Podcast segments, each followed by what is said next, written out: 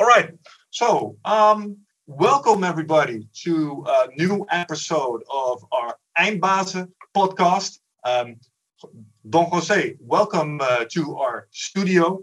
Um, our name in Dutch uh, means that uh, you are a final boss, and that means you are extremely good or well versed at something um, because only like to talk to people who have done something uh, exceptional. So I would like to welcome you to our studio. And maybe for uh, our listeners that don't know who you are, could you please introduce yourself uh, quickly? Um, what you do, what it is that you find important, um, and what your uh, uh, message basically is. So, could you give a short introduction to who you are and what you do? Yes, thank you, Michael. Thank you for your invitation, and it's an honor to be in your studio and uh, communicating from uh, across the ocean to being one. And my name is Don Jose Ruiz.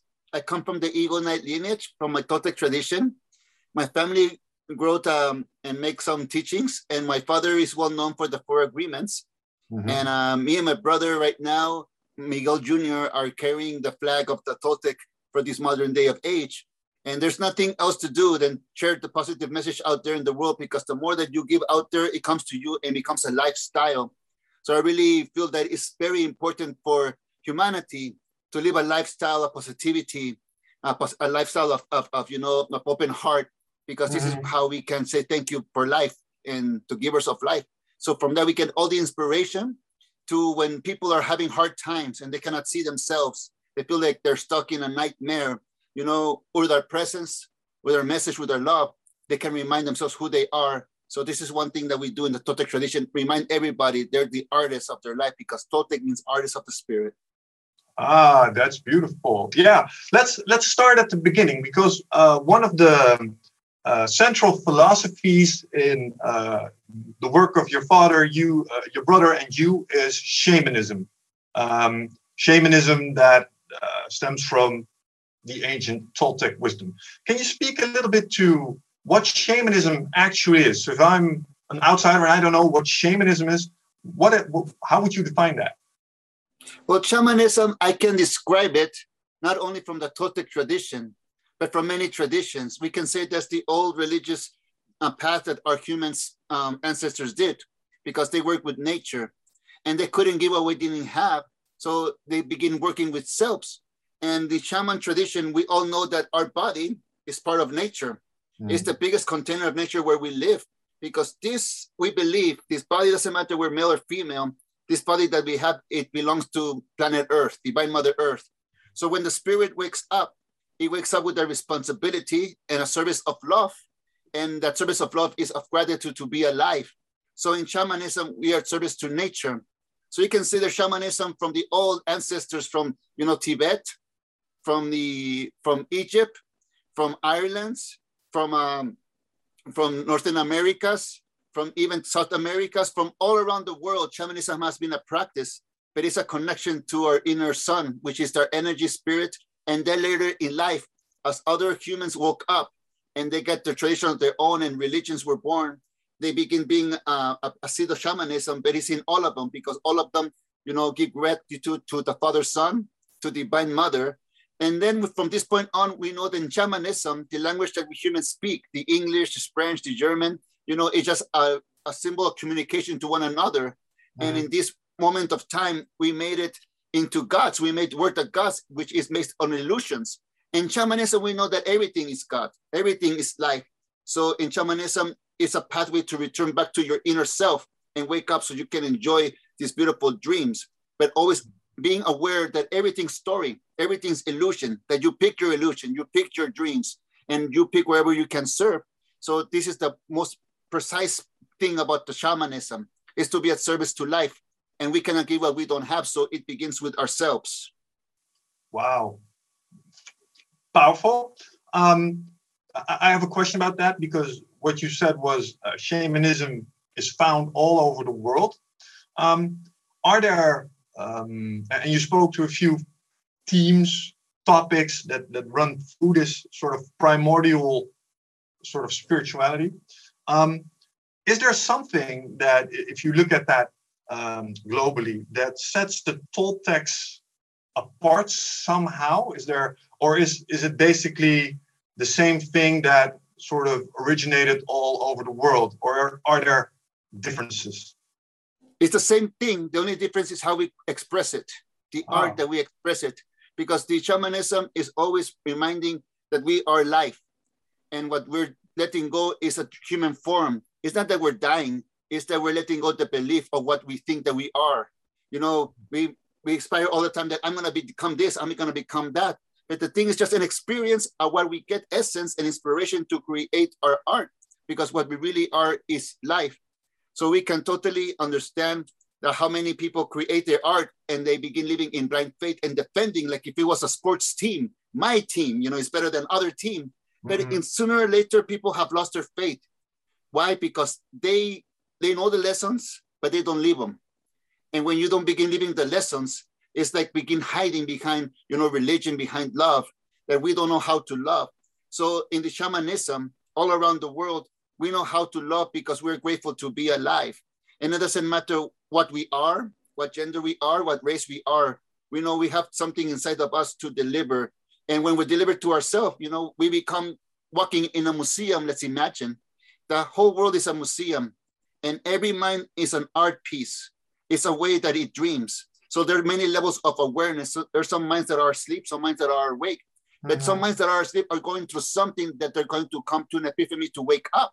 And this is one thing that we all shamans from around the world, men and women, are in service to ourselves. So let's say we are a cup and we overflow. When we begin overflowing, just by being ourselves, we begin attracting like a honeycomb people who want to wake up because they feel something inside of us. It's not that we have special powers, it's that we mm-hmm. have respect and we have gratitude to live the rest of our life with a different point of view. And that's the point of view of service because this is the love of my life. Many people think that I find a human and I'm going to get married and that's the love of my life. And then I get heartbroken. It's because I give my love away. Then I depend like a drug addict to depend that love comes to me and then I feel for me. But that's not what it's about in shamanism. In mm. shamanism, it's like the sun and the moon and the stars. We're meant to just shine. We're just meant to love. And it's so beautiful when we allow ourselves to love with no story at all, with no block at all, with no doubt at all, and just be ourselves. So now when we have this essence of energy, how are we going to describe it into words? And here comes the art. So we begin acknowledging some people's art, some traditions art, because we are working for the same boss. And one of my favorite things that I saw when I was growing up is when they got a Tibetan monk from mm-hmm. uh, one of the lineage of the Dalai Lama. I was in Los Angeles, and my father, they put them in a group to meet. So everybody was going to say, what are they going to talk about? What are they going to debate? What are they going to say? And when they got together, they held hands and they look at everybody just like if they were great grandparents, looking at all the children playing with knowledge. But that's the message right there peace, wisdom, knowledge, and love. When we get that in our behavior, we don't try to convince anybody, we're living it. And then we mm-hmm. become a presence. And this is what shamanism is, it's a presence of love. I I get a sense of what you're saying, and at the same time, I'm trying just to reconcile it with with how I experience the world. And I think you're fully right. This this should be the way to be as a human. But if I look at my own success at implementing that, it's why is it so hard to love in that way? You have yes, because we are addicted. Yes, because we are addicted to suffering let's say we're born minds and they, they program in our phone and our parents begin programming on what they know and if we were religious then you have no intercourse until you're like married. Mm-hmm. other people they don't do stuff until this point and they are protecting us because something happened in their life that they're protecting us their little children from having that. But what happens after that? We're programmed domesticated by fear and mm-hmm. fear is the most, you know, contaminating thing about love. It also is the most powerful thing because fear deserves our respect because it shows us where to we can overcome and when we feel weak. With that fear, we can corrupt love. Let's say, oh, this person is going to leave me. Let me possess this person instead. Mm-hmm. And we don't love this person. We're in fear they're going to leave us. So we begin manipulating because we don't know how to love. In a divine relationship of respect, we let our partner do whatever they want to do in life that will make them happy because we want to see them happy because it's not our possession because they only have one life to live. Mm. And we have one life to live. And when we know how to love each other, it's because we respect one another to fly free. But at the same time, we make agreements in our relationship. And at the same time, we make agreements with our love. We cannot agree what we don't have. So the beautiful thing about the Toltec tradition is that we break our domestication. But now the real training of the Toltec is to unlearn. Unlearn what? Mm-hmm. Unlearn what takes our inspiration away and take back what makes us inspired. And it's not about debating others, it's not about fighting, it's not about pride, it's not about validating. It's about setting ourselves free to experience everything that we want to be. Just like Siddhartha. Siddhartha had this temptation. Siddhartha had this wisdom. He saw suffering. He saw the bubble that he could get into, but he didn't feel alive in that bubble. It was the protection of his father protecting him in the kingdom until he went out to find it itself. And it mm-hmm. broke so many things from not eating, from being a, a, master who didn't eat and just finding, and then he found, oh, it's okay to give food to my body. And when he jumped into giving food to his body, the people who follow him says, you betrayed us. We can no longer follow you. Siddhartha didn't judge himself. He let that piece go because it served his purpose. Now he went under the Bodhi tree to go against his own mind. And all of the things that were going into his mind, all the battles with Mara that he was facing, it was himself. And this comes now exactly like the Toltec tradition. When we wake up and we're not happy in life, we look at everything that's taking us our happiness away. We begin to unlearn. And by unlearning, we take power out of the situation. Because, you know, when we do, when we are learned to pray all our life to something outside, but nothing's happening, and then mm-hmm. all of a sudden, we find ourselves, we don't have enough time that we begin praying and we hear our own prayer. Then we begin taking action. And this is the magical thing, like you said, we do it in our own way. Because when we do it in our way, we can go further than waiting for someone to tell us what to do next. Because then we're living their dream. But it comes a point where we respect our teachers who guided us, but respecting them is to live our life completely free. And it's not about being this shaman teacher or this great guru. No, mm. it's about just enjoying our life. Yeah. What, what I really like about what you just said is the fact that that you're the one that are that's responsible for the waking up. So it's it's in the action. So reaching, let's not call it enlightenment, but but in growing it only happens when when you as an individual start moving towards something. So start spending time and energy. So uh, uh, sort of exerting your will. But if you look at what you said earlier, kind of triggered me um, like the battle against yourself. And what I really liked about uh, the, the Toltec philosophy is that they they they put a name to something that I I immediately recognized. Um, the, the parasite. So I, I don't know. The, mitote was mm-hmm. I think what, yeah. yeah the parasite. Yeah. Yeah, exactly. Could you tell our listeners a little bit more about the concept of the parasite? Because it really resonated with me. And till this day, it still helped me with, well, I, I want to say conquer, but that's probably not the way to approach it, but, but win sort of yes. from the parasite, if you know what I mean. So could you talk about the parasite a little? Yes, the parasite, like the meaning of the parasite, is a living being that feeds over another living being, just like a whale. So let's imagine that we, our mind is the whale body, and knowledge is the parasite. Hmm. And knowledge gets stuck into the whale body. The whale doesn't know that's there, but the parasite is doing its job, and it's doing job of domestication. Let's say we have fear, negative fear in relationship, in success, or everything. That in the moment that that enters our thought, you're not good enough. You're not meant for love. You cannot change. You know, and we believe that we're suppressing ourselves. We're suppressing our life. We're suppressing even Divine Mother. If we believe that this body is Divine Mother, we're suppressing Divine Mother. But the moment that we wake up, mm-hmm. we can totally find that, oh, this is not the life that I want to live. I've been suppressing myself. Then we have the challenge to unlearn. And what we are unlearning about this parasite world is the way that we hurt ourselves, the way that we use the word and not being impeccable with it.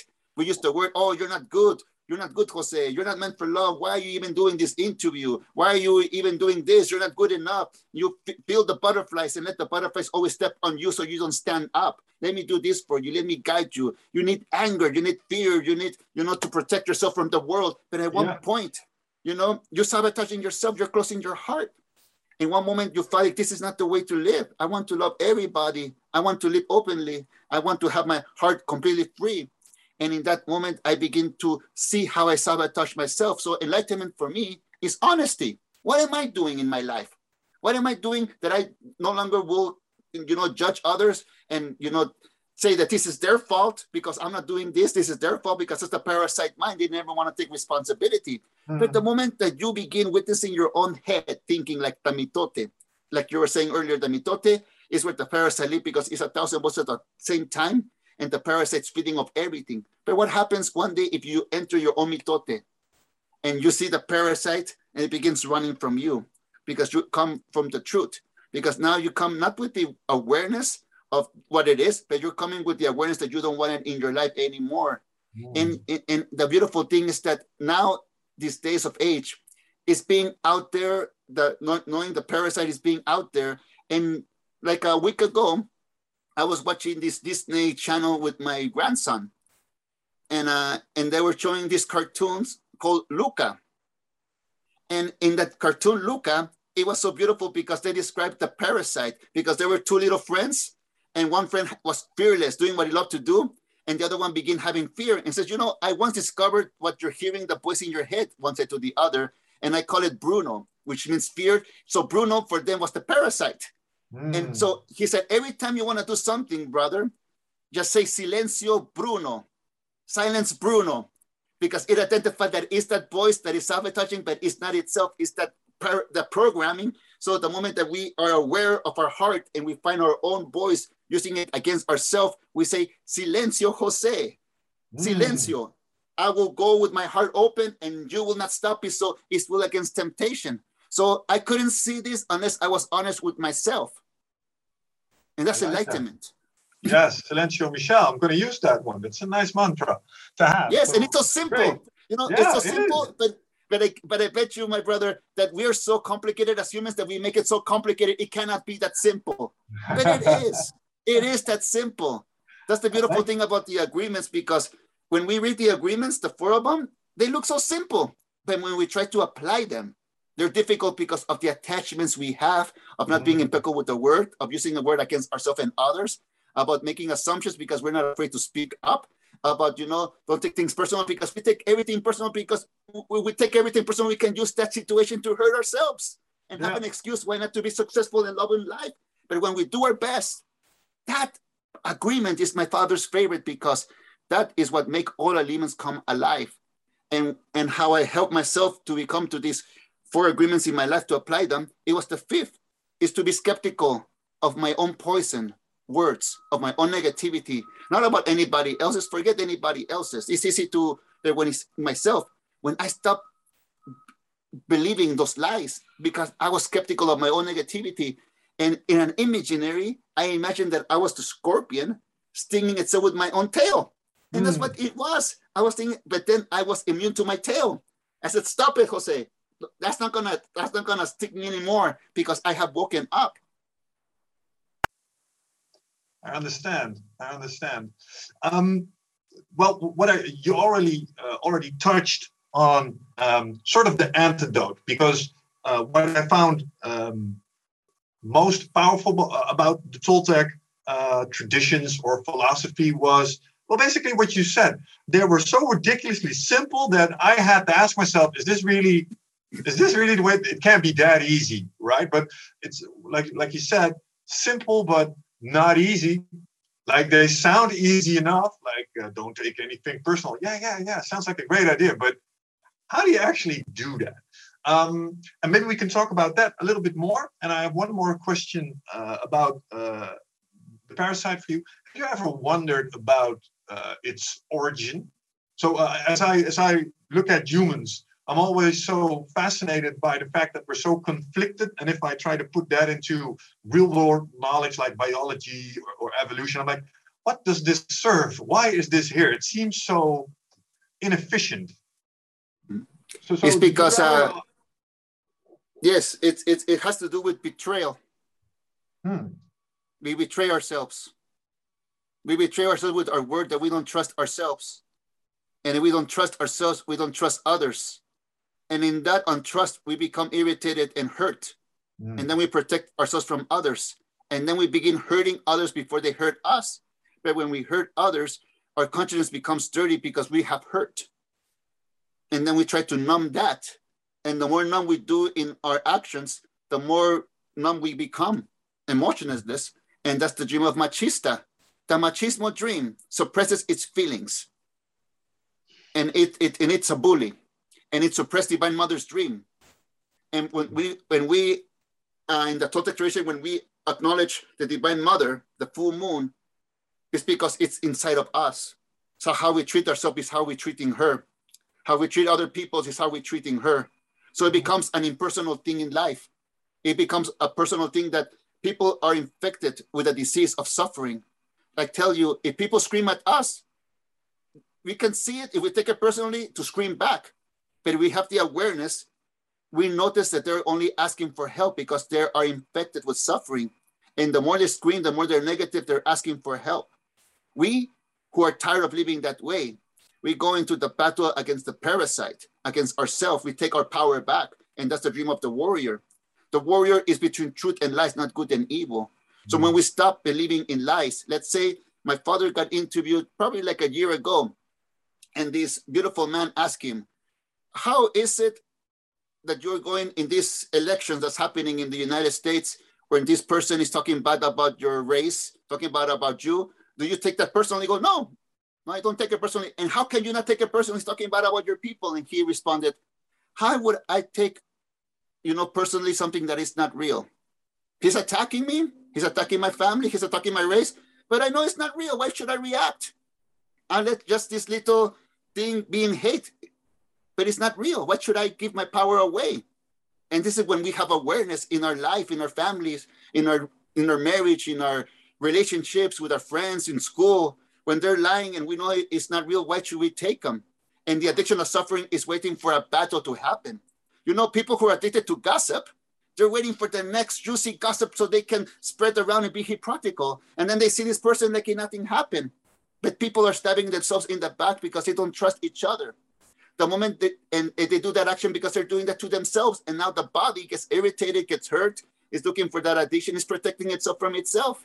And this is beautiful. In one point, when we come aware that we're protecting ourselves from ourselves, then we know that nothing outside has to do with us. I get it.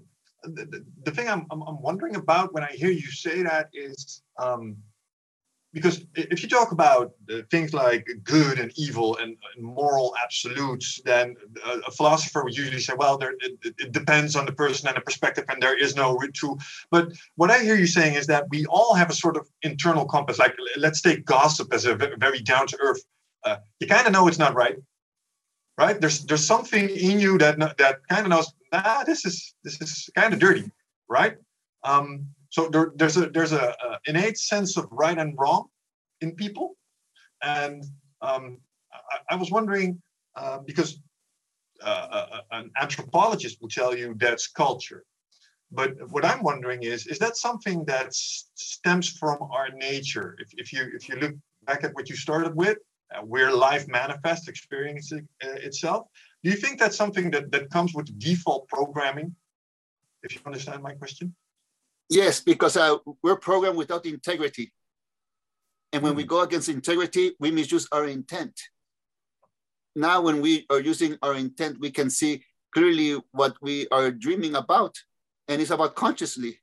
If you do an act that disrupts your consciously, you will beat yourself up every day. And we remember that memory. And it could be 20 years and you're still doing that. But mm-hmm. the moment that you wake up consciously, you will not go against your consciously, your moral consciously like you know i am very much respecting the dream of animals now for six years when i was a carnivore completely. I used to eat every meat. But six years ago an epiphany happened that you know the animals deserve to live. I, am who am i to take that you know i'm not that hungry? Then i begin looking at the little bugs. And for somebody living their life oh they're just bugs you know who cares? But for me it's loud enough because i have that respect of integrity that when i begin doing that my life completely changed and and and for me that's my truth.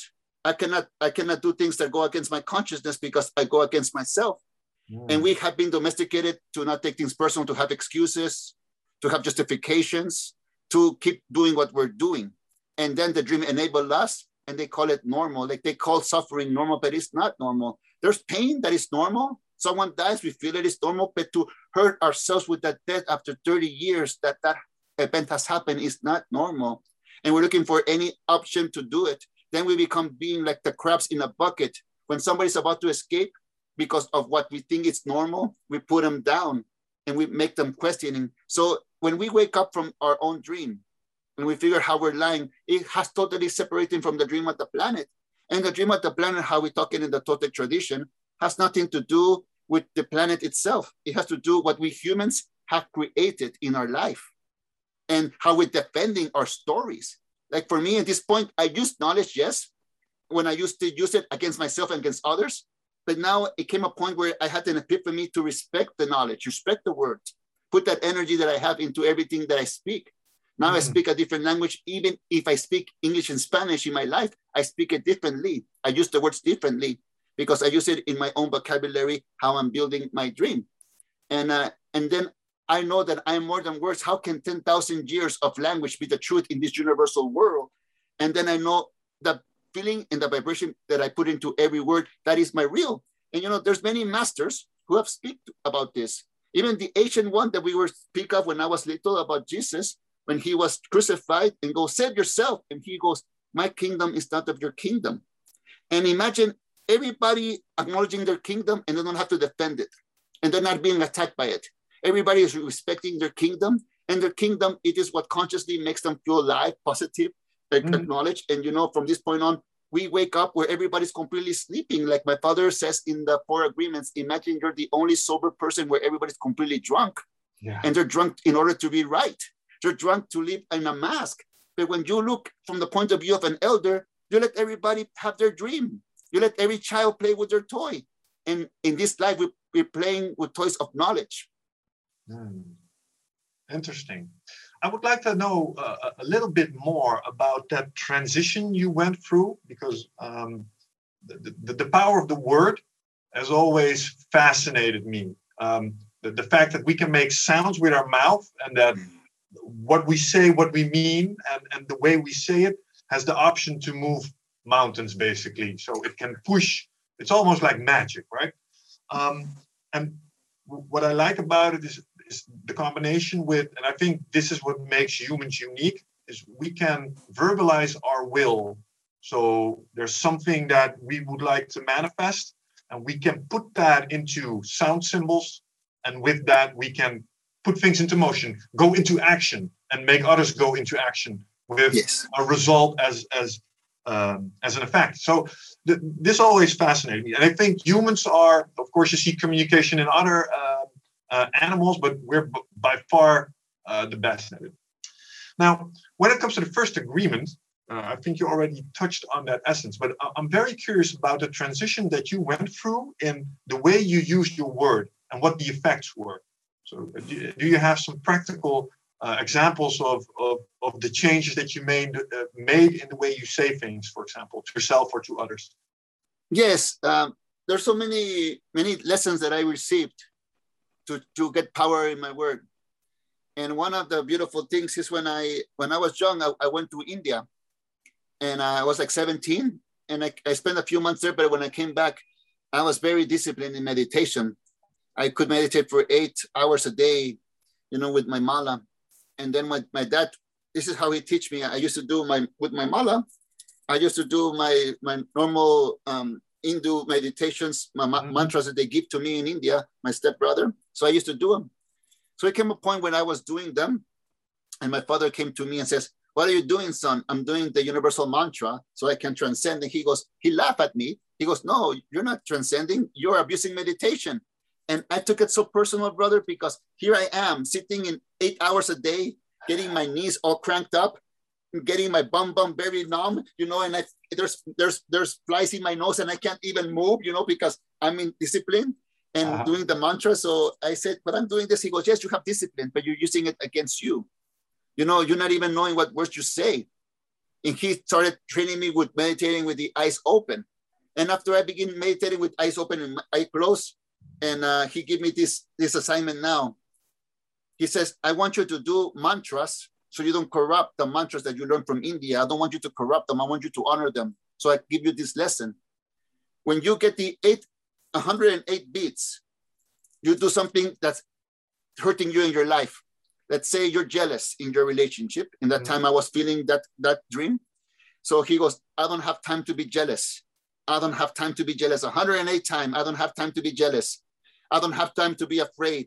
I don't have time to be victim. And he taught me all these things. When every time I was doing that for myself, getting a story, a juicy story that that's happening to me, even his his heart attack, you know, he's almost dying. He told me, you know, I don't have time to to to to um to to um what's that word? To not honor your death, to sabot, you know, to disrespect yeah. you. I don't have yeah, time yeah. to do that. I have to honor you. So even in the hardest time, he made me put my emotion into my words, and my words had power like going through fire.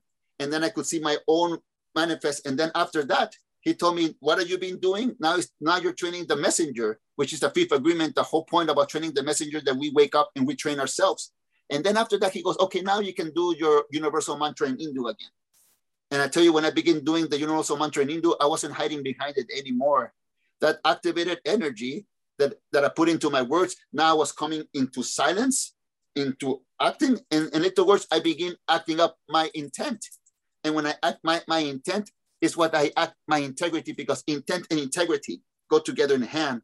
And yeah. I have a little example about the manifestation and powers that we have. You know, we all are antennas to create. Mm. And one of the favorite stories that had nothing to do with spiritual masters in the temples, it had to do with spiritual masters in the music industry. There was a story when uh, Michael Jackson wakes up around three or four in the morning because he had this song in his head. Mm-hmm. So he calls his engineer, and his engineer waking up, come on, Michael, it's three, four in the morning. He goes, I got this song in my head. I need to put it down, but Michael, it's late. You need to rest. And he said, God doesn't rest. And he goes, I know, Michael, that's why you need to rest because God doesn't rest. Why you want to record it right now? And he's because I have this message in my head and I want to do it right now before Prince wakes up and do it himself. Mm-hmm. Before Prince wakes up and he does it. So he wanted yeah, because this is the point of humanity. We all get ideas, but who's going to do it first? And who's going to get in the way of those ideas to be manifested? So mm-hmm. that's one of the beautiful things when we are the artists of our life and we do what we love to do, like you and me right now. We like to be in service to life, to make people happy, to give gems because we work for the same boss. And when we have the understanding that all the shamans around the world and to say shamans, I'm not only talking about healing people, I'm talking everybody who opens their heart because they open up a presence. We come and take over in whatever story language that we are. But the important thing is that we are in integrity with ourselves. When we are in integrity with ourselves, we know when we're lying to ourselves, when we're honest with ourselves, when we're feeling bad.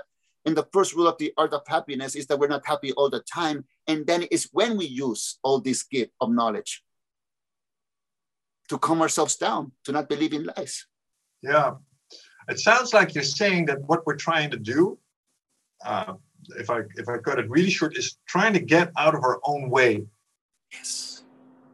Yes. That, that's what it's all about. And, and the way to do this is to have your inner monologue in a certain way. Because I, I, have a question about this, what you call intent. I think we mean the same thing. Um, but the, the, there's another word uh, uh I use for your convictions. So um, there's some stuff that you believe, and, uh, and um, I've, I've spoken to groups of people, and sometimes there are moments when I say certain things, but there is doubt in the back of my mind. But there are also times where I am truly feeling what I am saying, and I'm, I'm not really. I don't know really. I don't really know what I'm saying. I'm just saying things, but I know one thing. I really feel this stuff, and, and I can tell the effect on other people is is far greater. But it is because I believe the things that I am saying 100%.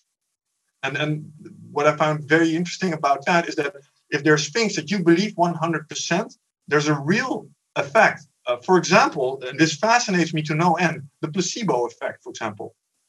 It, it's sort of in the same category of believing. If you, you know what placebo is mm-hmm. like, right? If we give you sugar pills and we tell you, hey, this cures headaches, yes. there's a chance it cures headaches. And and I think the central mechanism is what you believe about yes. that particular thing. And I think it's the same for words. Could you speak about that a little bit more? Yes, brother. I'm totally 100% with you because you're talking about the power of faith. When we have the power of faith, not hope, hope is thinking the comet's going to pass. Mm. But when we have faith in our word, oh, the comet is coming. and we are the comet. And when we have faith in ourselves, it is like the mind begins channeling, but it's not channeling other people. It's channeling life. It's channeling what we believe in. And when we believe in, we have we're passionate about it. And when we're passionate about something that we put the placebo energy because it makes our intent. Now our intent is going to a direction. And the beautiful thing about this that I perceive when I have intent and I open my channels up it's because I'm speaking to my heart. It's like if I am in an abandoned theater and there's no need for audience because my heart begins clapping every time I give a dream. And the more I ignite that fire, I'm feeling the fire within. And you know, I'm using words, I'm using illusions for me. Even though I know it's not real, I'm using something that I believe in that for me it becomes real, but it's a stepping stone. So that words, they're not the main God. There is a stairway to God or to divinity or to mm-hmm. find the creating fire that we're here to do because we all of us are here to create a masterpiece of art. And when we have faith with ourselves, brother, like you said, when we believe in ourselves, we create this, this placebo. It is like Dumbo. Dumbo could always fly. But the tricksters, the shaman, the crows gave him the magic feather. And he gave all the power, the placebo to the magic feather yeah. until the moment that he fell down from the ladder, he lost his feather he thought he was going to die. He was putting all this doubt, and then his consciousness, which is a little mouse, but it was his own mind. He's saying, Silencio Dumbo. you are, you are that intent. You don't need that. You believe in yourself and you can do it. And in that moment, it flew. I love the story because if I can tell it to children in the most simplest way and they get it, mm-hmm. the adult can see all the why nots, all the knowledge put in, but at the end, there's no fighting what you believe. And that's why being skeptical of your own negativity helps you strengthen your faith because you're overcoming. You're walking mm-hmm. through fire and it's not burning. But the passion that if you can give something to the altar and there's fire and flames across the altar in you, your faith will make you walk over fire and not get burned to deliver that. And that's exactly what emotions are. They're fire that can burn us. But when we're strong with faith and love, then nothing will happen to us because we got our back. This is the angel that we're training in the fifth agreement. And the angel is the messenger. And the messenger is the artist, like you said earlier. We humans, we're the greatest shapeshifters because we're in power. We're top of the chain in this world because we can, like in the new book, The Power Animals, it's all about that the power animals don't come to us. Mm. We use the animals to inspire ourselves, like I use the jaguar, the strength of the jaguar as the mind the jungle, but the jaguar wakes up, it means to I use it to stalk myself. It's not the jaguar could care less. Like we say in the fifth agreement, the dogs don't know that they're dogs, the cats don't know they're cats. They just are. And that leads me to me. They say that I'm human. They say that I'm spirit. They say that I'm energy. They say that I'm life, but I don't know what I am. But I know that I am life. And now from this point on, I don't believe in who I am because that who will get trapped in the mirror if I wanted to and believe that, but I'm not Jose. I am something else, like you're something else. Mm-hmm. We use Michael and Jose to communicate with the world, to the characters, to have fun, to enjoy life. But deep inside, we know with this awareness that we're here on vacation in this life. And when we have the point of view that we're on vacation, we're not going to ruin it for someone else's drama or stories or victimizations. And when we lose our suitcase, we say goodbye to it and we get a new one. And the suitcase is dreams, junior high, elementary, high school, marriage, work, characters, friendships. Because I remember having close to friends, but when they get their families, their children, when we get together, we just talk about memories about Ghost Town in a place we don't belong anymore. We enjoy ourselves with time, but we all move on in life. And this is something beautiful about the connectiveness net of love, because we all get together in our life. We putting a brick spread like a big sheet but everything that we do will remain here on this earth because it's our art. Like John Lennon, every time that I hear that song, I'm playing those mind games. You know, that song, Mind Games, mm-hmm. reminds me of the dream of the planet in being there. And it reminds me that I'm just here to love. We're playing these mind games together. But at the same time, they're just games. And one day, my nephew, my, my grandchild was playing a game and we playing Transformers. You know, he was pretending he was Optimus Prime or Bumblebee, but he fell and, and hit his knee, and he was crying because he hit, and he goes, pause the game. And when he said that, I was looking at life. You know, we're here to enjoy, but there comes a moment that happens in life where we pause the game. And all of us, let's say someone is in a hospital of our families, we pause the game, we pause the grudges, we pause the, the negative things, and we make peace. Mm. But we're waiting for that hurt for happen. What do you imagine if we can pause the game, jumping, and help everybody have their dream and visit them like if they were nothing to do with us, but we enjoy their beauty. But we always honor where our body is respected because I'm not going to put my physical body, my Jose, the love of my life, I'm not going to put him in a world where he's going to get, you know, racially discriminated or put down or, you know, or be bullied at. I'm going to put Jose where it's loved and respected because this is my responsibility, including not only implicitly outside, but in the within. All my life, this Jose has been loyal to my body, to my mind. Now it's time for my mind to be loyal to the rest of Jose. And that's why I say in the Toltec tradition, there's nothing to learn but to unlearn what takes our inspiration away. Yeah, I think that's one of the biggest insights because I've read this book a couple of times, and um, for the longest time, I took it so literally um, in the sense that was, well, you got to be uh, impeccable. You can't lie. You got to tell the truth. You cannot lie to yourself. You have to be honest. But I'm starting to realize more and more that it's very literal in the sense that what you say. Uh, I mean, you shouldn't lie to yourself, sure, but there's several ways you can you, you can do that right? Or, or, the two of you accept to tell it to yourself. And what I'm getting from from what you're saying is that if you look at it like a game, the way you talk to yourself, so what you say determines the game. Yeah. So that, what you believe so if you want to play a cool game, that's what you gotta that's what you gotta that's what you gotta say. But if you want to yeah. suffer, well, we can have that as well. Just depends on the way you talk to yourself. Yes. And like, and like my brother said once in a lecture, I heard him say, you know, sometimes people are impeccable with the word, but they say with so much poison that they're not impeccable at all. They use the truth with so much poison to yeah. hurt people. And and you know, and they they think they're in a high horse, but it's not about that. It's about like you said, it's about how you feel after that. And, and it comes to a point when you wake up and you now realizing what relationship you want to be in. Do I want to play a game of relationship of drama? You know, and, and it's worth the price. And, and, and then somebody said to me, well, why are we paying? I'll say, well, we all pay. I'm not paying for love because we all pay because we all pay with our time. Time yeah. is something that we won't get back. Even the most powerful rich people cannot buy time. Yeah. So how we use our time in our life is the most richness it is. So let's say we let everybody have their poison. That's what they want to choose. But in our life, we want to live in integrity and here comes now the passing of the torch because the little children, they learn not what we say to them, they copy exactly what we do. Mm-hmm. And then we punish them and set them up for failure. And then there, there it is guilt and shame passing on to the next generations. This is why it's important for all of us to walk our truth, to live in our path of authenticity. And people say, What is the truth? But the truth is not in words. The truth is just an act of personal freedom. Mm.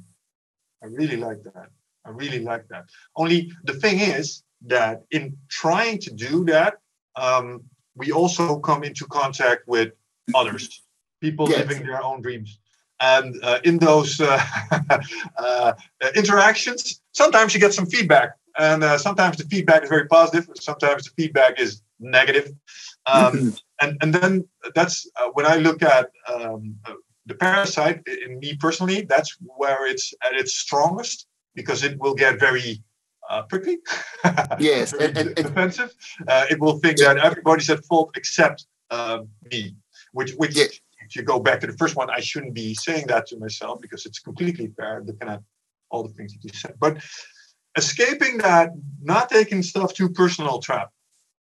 Maybe you've developed a few tricks for that as well. Yes, because one, one thing is, is, you know, when we used to take personal, we went to debate in order to be in the truth and to be right, we lost a lot of time. We lost a lot of friendship. We may mm-hmm. even lose a lot of relationships. For what? What's the price? What's, what was it really important?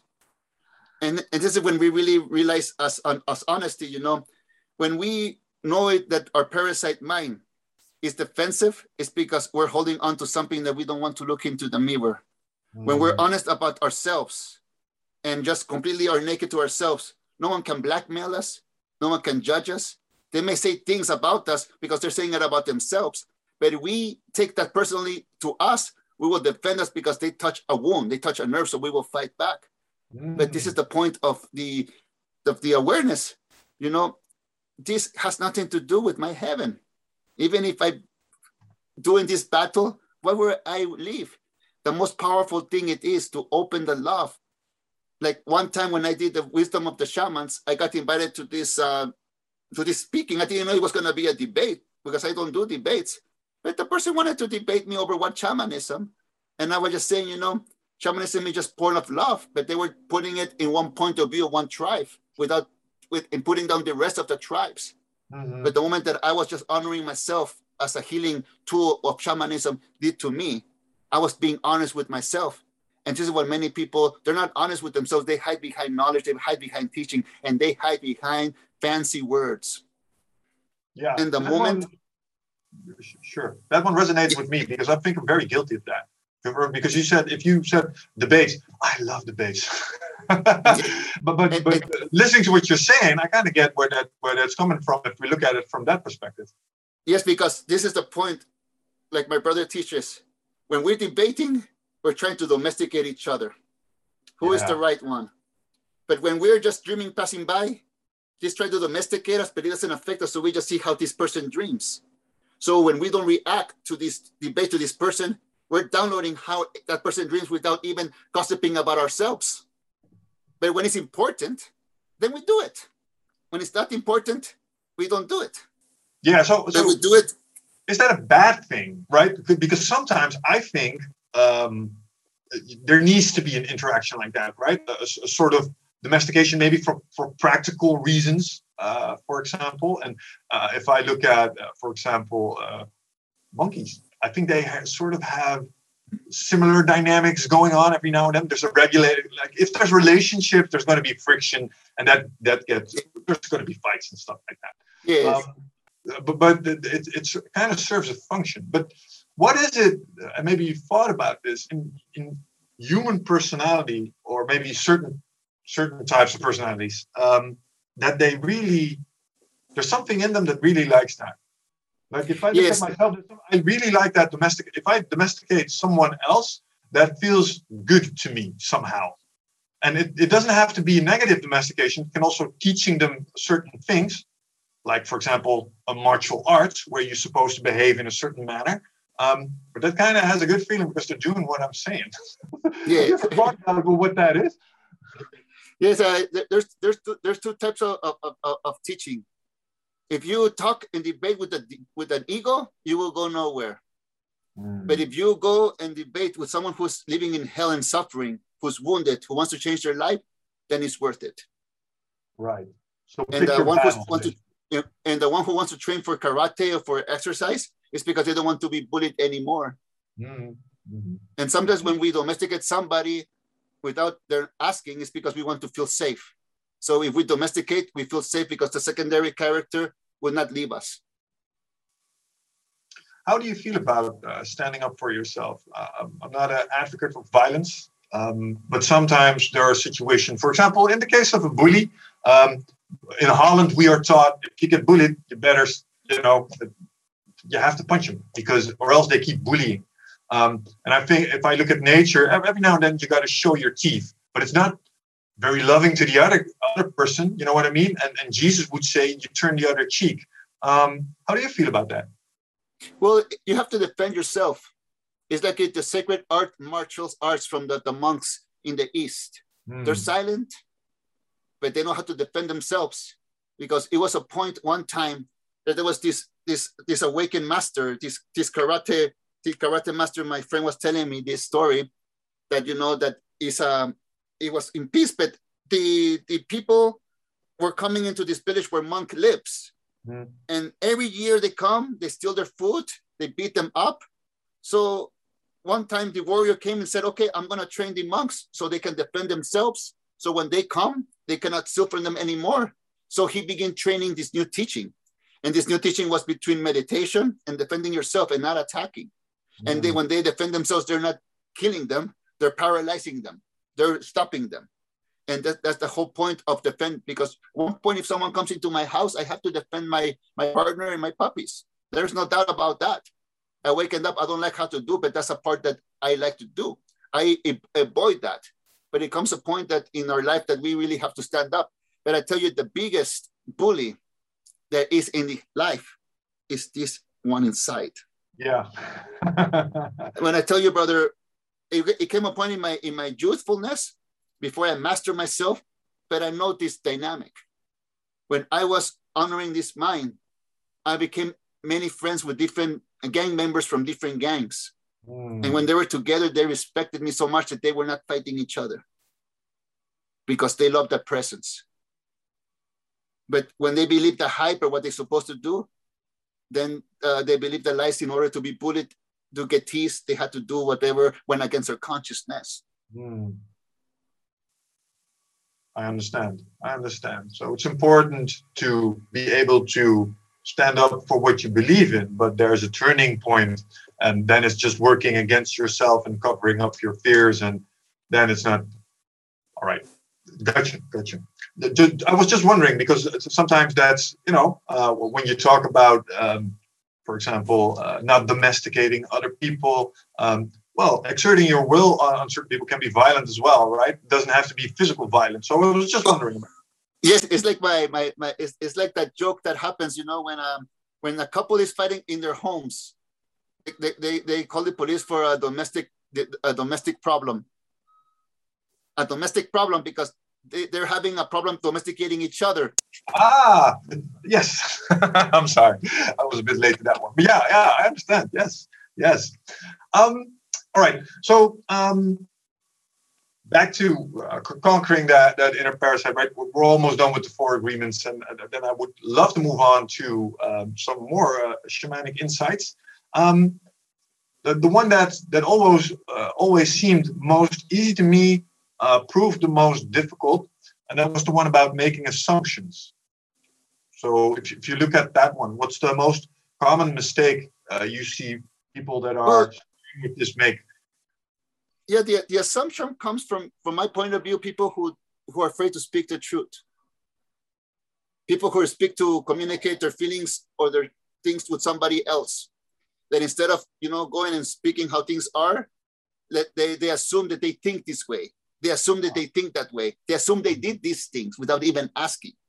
One of the, my favorite things that I that I that make me enjoy this disagreement, I was in Detroit and uh, they were talking about the four agreements to sixth graders in elementary.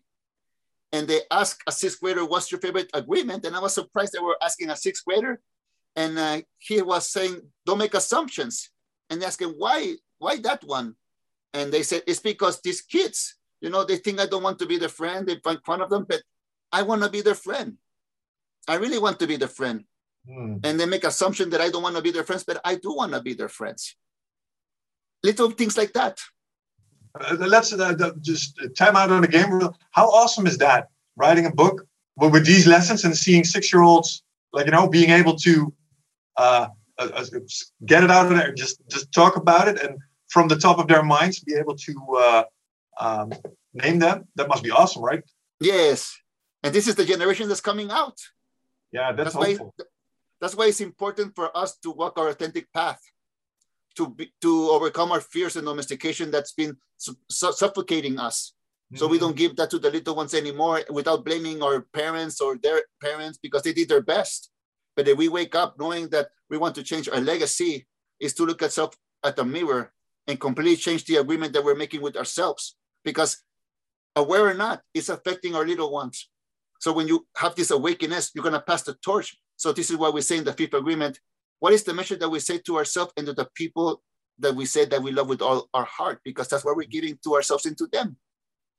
And we don't like it, let's change that uh, message. Yeah, exactly. Start, like, you know, being impeccable with your word on that one and see the effect. Um, I like that one. Um, and when you spoke to um, um, just now was in doing your best. And um, I think you told me that that was your father's favorite uh, of, the yes. four, of the five agreements. Why is that? Why is that one his favorite? It's because that's the one that gives life to all of them. If we, if we don't do our best, how can we, you know, be impeccable with the word? not and take things first, not take things personal, and, and, and not make assumptions. Mm-hmm. When we do our best, we do our all the best, and this is the most beautiful part about the, the fourth agreement: doing our best. If we don't judge ourselves, no one else can judge us. If we did our best and stop judging ourselves that we didn't give any more, the judgment will die because automatically we we judge ourselves for not wanting to pour water from the phone. You know, I want to get water from the rock, and I judge myself that I cannot do that. Mm-hmm. We did our best. Oh, that's a very interesting interpretation. I, I, I usually take another route with it. Um, but, but this one is way more powerful because if you know you did your best, no one can touch you. That's basically what I understood that to mean. And the way I uh, sometimes ex- explain this one, or at least I interpreted it, was if you do your best, a lot of people um, don't attempt certain things because they're uh, afraid of what other people might think, right? Um, and if you do your utmost, so if you do the best that you can, in my experiences, people will judge you differently if you fail because this is your fear. You will fail and people will judge you for it. But if you did your utmost, the, the judgment will be positive. So if you see someone and he's trying everything that he can do to accomplish a certain goal and he fails, you're like, ah, that's too bad. But at least he went for it, right? And the other yeah. way around is if you see someone and he's really phoning it in and he fails, you're kind of like, yeah, that that makes perfect good. That that should happen. You know what I mean? So so the, the fear comes true. So if you as an individual do your utmost and you're wondering, should I do this yes or no? Because people might judge me harshly if I fail. If you just do your best, chances are they will judge you very positively for just trying. Yes that, that kind of puts the dependency on the people on the outside. And what I like more about your interpretation was that it's, it's just me now. yes, because because for, because for me the dream of judgment, you know, you know, whatever we do, we're gonna get judged anyways. Yeah. You know, yeah. we, we, before I wasn't vegan, I got judged for not being vegan. Now that I'm vegan, I judge for being vegan. You know, there was judgments before I was born, it's judgments when I'm alive, and there will be judgments after I die. Yeah. When I know that this judgment is just an illusion to sabotage each other's dreams in humanity, that doesn't exist in my life anymore. I feel it, but that is what I turn into medicine. That is my inspiration. When I feel that I have even more faith in myself, that I can overcome it. And when we see people trying and doing, let's say the judgment, it is just an honor because we're grateful them. Of course, I'm gonna train this person because it wants to do its best. But if I see someone with ego, I want to train that person because that person doesn't want to get out of suffering. He wants to use the words that I give him to get more weapons to sabotage life. But the ones who want to get out of suffering, I will make them my apprentice. And, and, and, and this is the most beautiful thing about life. When we wake up knowing that if we believe in ourselves, we're powerful. But if we believe that we're more powerful than anybody else, we're weak. I like that that that, that distinction between people that just want to prolong the suffering um, or people that try to escape it because those people's opinions might matter to you. You can because it's it's kind of worth it. It, it might be a, strange uh, segue, but do you, by any chance, watch the series Rick and Morty? Do you know what I'm talking about? I, I have seen Rick and Morty. There's one quote I have to think about when I heard you say that. It, it, it goes like, "Your blues mean nothing to me. I've seen what makes you cheer." Right? Yes so so I see what you value. So that's why. Well, why would I bother? Because like, yes, you're all about suffering, and I'm not gonna like I'm not even touching that. So that's what what it made me think. I like that one. All right, um, great. And then there's uh, one more, the final one, the fifth. And I have a confession to make because this is one of my biggest uh, screw ups uh, when it comes to uh, this one. Um, I wrote a book and I wrote about the four agreements in my book. Uh, and I also spoke about the fifth one. And in my book, I wrote down the fifth agreement is unconditional self love. And then I started prepping for this podcast. And then I was like, no, that's not the fifth agreement. I like this one as well. but I have no idea how I messed that one up. But um, the, the true fifth agreement is um, listen, but be critical. And I thought that to mean uh, listen, uh, be critical about what other people are saying to you, but it basically means be very critical about what that inner voice is telling you. Correct? Yes, And uh, but it, I, I have to say, brother, it is about inner love. Because when you're about inner love, it's, it's about when you stop listening to lies. And if the translation got lost a little bit, because mm. where I come from, in the words in English, it means the fifth agreement is to be skeptical, but learn to listen with the heart. Oh. And when you listen, and when you learn to listen with your heart, is that you begin listening to your own words. And when you begin saying, I'm not meant for love, I can never love again, is that really truth? I'm not being skeptical in the outside or criticism in the outside. I'm being, you know, with the with the judge has been cruel all my life. Mm. I'm changing the rule of law in my head by not believing in those old laws and I'm changing them.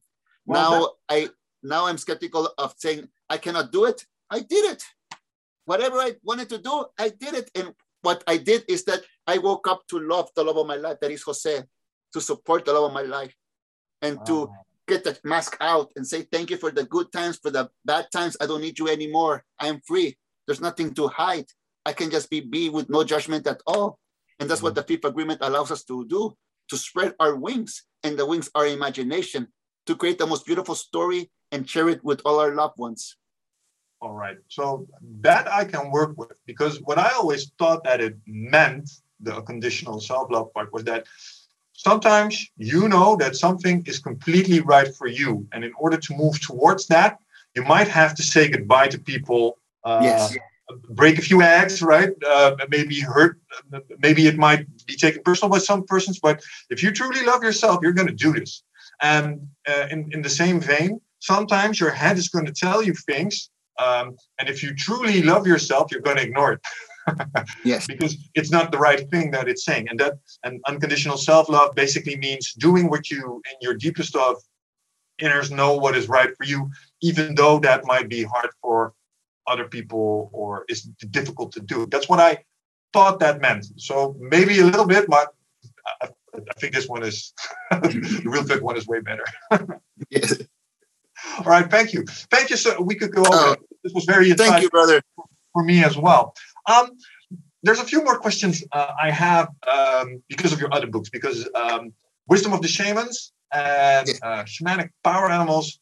I really like those because uh, what the shamanic path seems to do, and there's other things that, um, and, maybe this is an uh, uh, this uh, association is not correct, but I also always kind of uh, associate with the occult, like the supernatural. The, I don't know if shamanism, shamanism in your philosophy has supernatural aspects to it, but if I read your story about the rattlesnake initiation, well, there was some funny stuff going on there. So that might be in, interpreted as uh, supernatural. But but what it really does is what you were talking about earlier, like um, making sure that you become sort of a conduit so that whatever needs to be manifested can be manifested through you um, without you getting in the way with all your inhibitions and self-imposed constraints and stuff like that.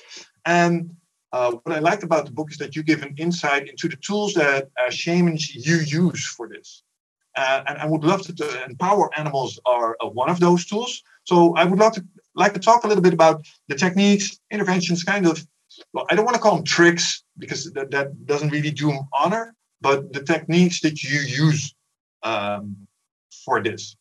So the first thing I would like to talk about a little, am I right in, into thinking that sh- shamanism sometimes also touches the occult and the supernatural?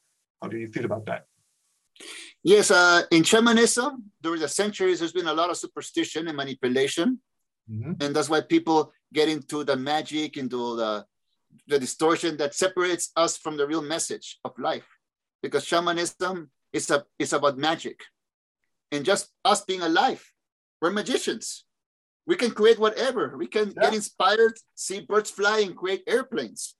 That's magic right there. What uh, what people begin doing is, is is being corrupt, you know, using fear and using what is not. Because how would you get a kid to listen doing a magic trick? Oh, now they will listen and then people believe in fairy tales. Now they're believing in fairy tales. Everything in shamanism from my tradition is philosophy. Mm. It's a metaphor.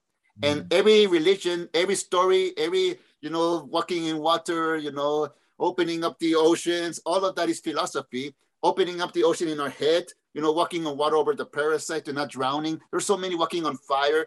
And but people like to make superstition. Why? Because they don't advance. They make it complicated. Mm-hmm. They don't they don't advance. And imagine generation, generation, generations, they corrupted all this. Then you have politics in the church, politics in the chiefs, and it's mm-hmm. not anymore about spirit, it's about power. Power with fake money, with fake things that it had corrupt spirituality. Now my father's message it was to get that that uh, magic of the shamanism, take the mm-hmm. superstition away out, and make it very simple to the power of the word. So the four agreements is one of the most powerful shamanic tools there is because it shapeshift into a language that everybody can read, from a president, from a drug addict, from a sports person, from a supermodels in a fashion show, you know, for schools. It's become universal. Why? Because it's the truth of what we feel inside. Mm-hmm. Now we can all hear it. Before that, other books they go like 10% to humanity, 8% to humanity. This book has been translated in more than 60 different languages, yeah. different religions, different beliefs, and it's not challenging them. It's getting them in their integrity because when we get in integrity, we can go in our own superstitious temples and beliefs and religions and take all that out in our homes. Mm-hmm. And that's exactly what we begin seeing. And there was a lot of people mad at my family and me when we changed traditions because they don't want things to change. Like they want to stay with the landline phone, but now they exist cell phones. What if we never advance? It's just keeping landline, you know? And yeah. not, nothing against phones. I'm just using this as a philosophy, as a metaphor. Spirituality is always advancing because we're the parasite mind, the dream is always, you know, making a, a counterfeit of it, a mm-hmm. fake. So this is one of the things when we talk honestly and pure about life, modern day shamanism is about what life is bringing us today. Mm. In, in, the same vein, I have a question um, about entheogenics because um, the only shamans I encountered uh, were the ones that were working with either ayahuasca or rapé or DMT or psilocybin. Is that a part of your tradition at all? Or? Not at all. Not at all. All right. We don't, how, how we don't use that? We, yeah, and uh, the ancestors used to do that because they live in mountains, they live in nature. That was mm-hmm. the part of overcoming fear. My family told me at this point there's so much fear everywhere, you don't need that anymore. You have to get that contact and conquer your mind again. And if you get a substance to put in you, you will depend on that substance to deal whenever it comes in life. But there's sometimes that you have to have your head clear. And what good does it do to you if you have the epiphany or some you know thing over there? When we can overcome our fears without mm-hmm. any substance, just by the power of our faith in our word, that's what we're applying to see the dream. And uh, it's nothing against all the practices that do that. Just my father said to me, you know, I really want you to be present all the time and this is why we we don't teach that in our tradition because we're we're teaching you how to dream you know with with clarity yeah i once heard a teacher say something about this like he's like well um, the knowledge you get from those kind of ceremonies is sort of borrowed knowledge so, so it's not uh, you, you, didn't gain it through experience it was sort of told um, and his preference was in, in, in acquiring that knowledge through the experience because it integrated better. Um, I was just just wondering about that.